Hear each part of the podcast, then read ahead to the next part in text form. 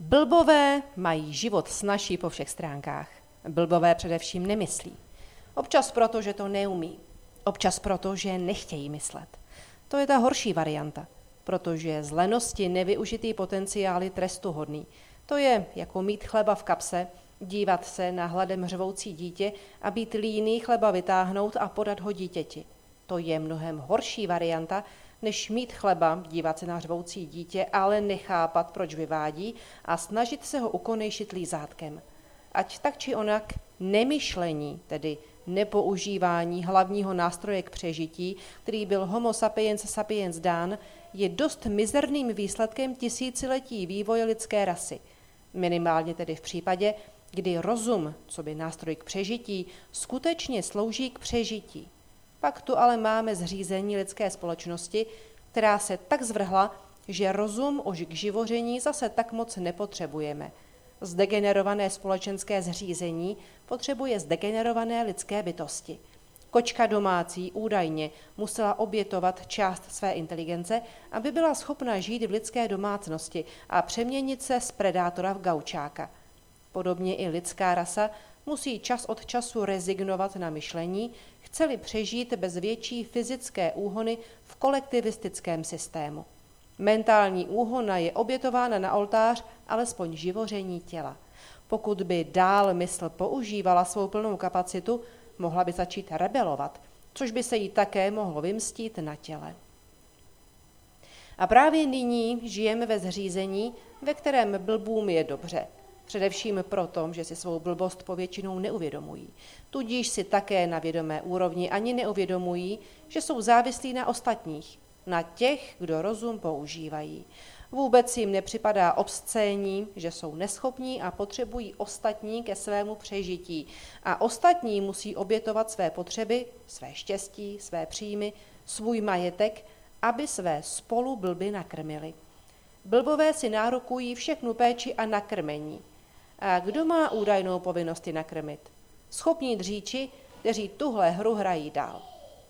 K tomu, aby blbové měli co jíst, je určitý počet neblbů ve společnosti nezbytný. Musí vydělávat a generovat nějaké hodnoty, aby bylo možné jim ty hodnoty brát a přerozdělovat blbům. Historie si ovšem už vyzkoušela, že pokud neblbům ukradneme příliš mnoho, jako třeba za Polpota nebo za válečného komunismu v Rusku, odmítne tuhle hru hrát úplně každý a nezbyde nikdo, kdo by hodnoty generoval a byl by krmil. Tudíž musíme ponechat alespoň fikci toho, že dříči mají peněz víc než blbové.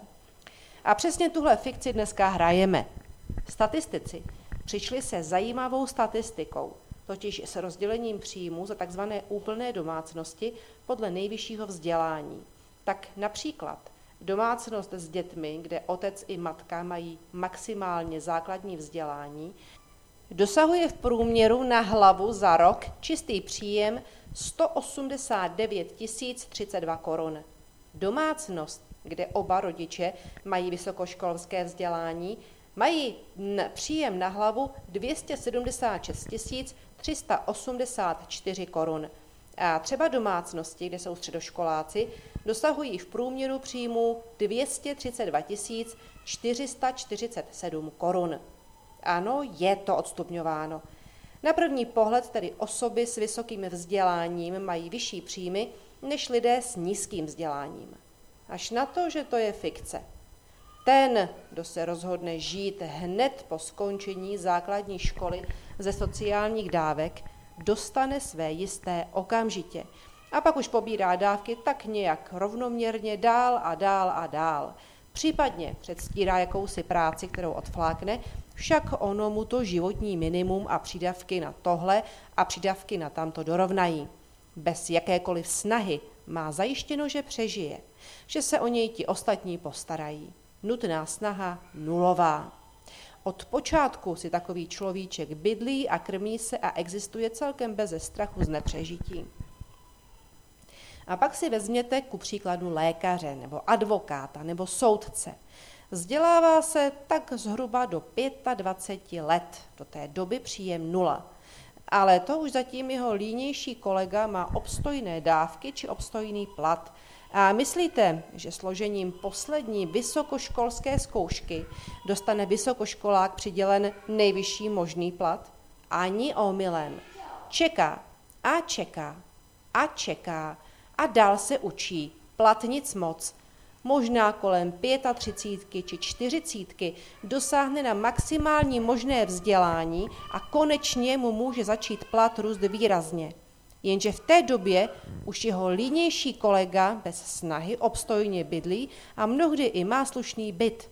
Teprve poté začne pilnější a myslící exemplář svého pasivního kolegu ve svém životním standardu dohánět a nakonec statisticky i předhánět.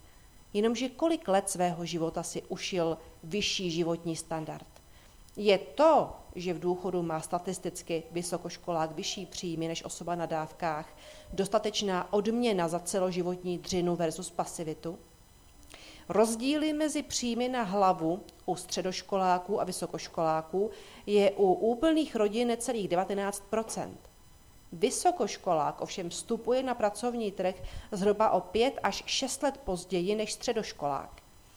Pokud počítáme ještě vyšší akademické vzdělání, které je ovšem zahrnuto stále pod kolonkou vysokoškolské, pak ještě později. Pracovně aktivní roky středoškoláka jsou zhruba o více než 17% delší než aktivní roky vysokoškoláka. Rozpočítáno na celou dospělost, tedy příjmy, vycházejí v zásadě šulnu na stejno. Ovšem s tím, že peníze dnes mají samozřejmě vyšší hodnotu než stejné peníze zítra. A tady se započítáním časové hodnoty peněz a se započítáním rozložení jejich příjmů v čase už to začínají vysokoškoláci prohrávat. Vyšší odměňování těch, kdo se snaží a svými znalostmi táhnout celou ekonomiku, je tedy jenom fikcí, která dává správný dojem na papíře, ale realita je jiná. Rovnostářská přerozdělující společnost s atrofovaným sociálním systémem to tak zařídila, že její elity jsou papírově považovány za bohaté, což má být hřích, který se neodpouští. Ale přitom i tenhle smrtelný hřích je jen fiktivní. Náš sociální systém není dobrem, je zlem.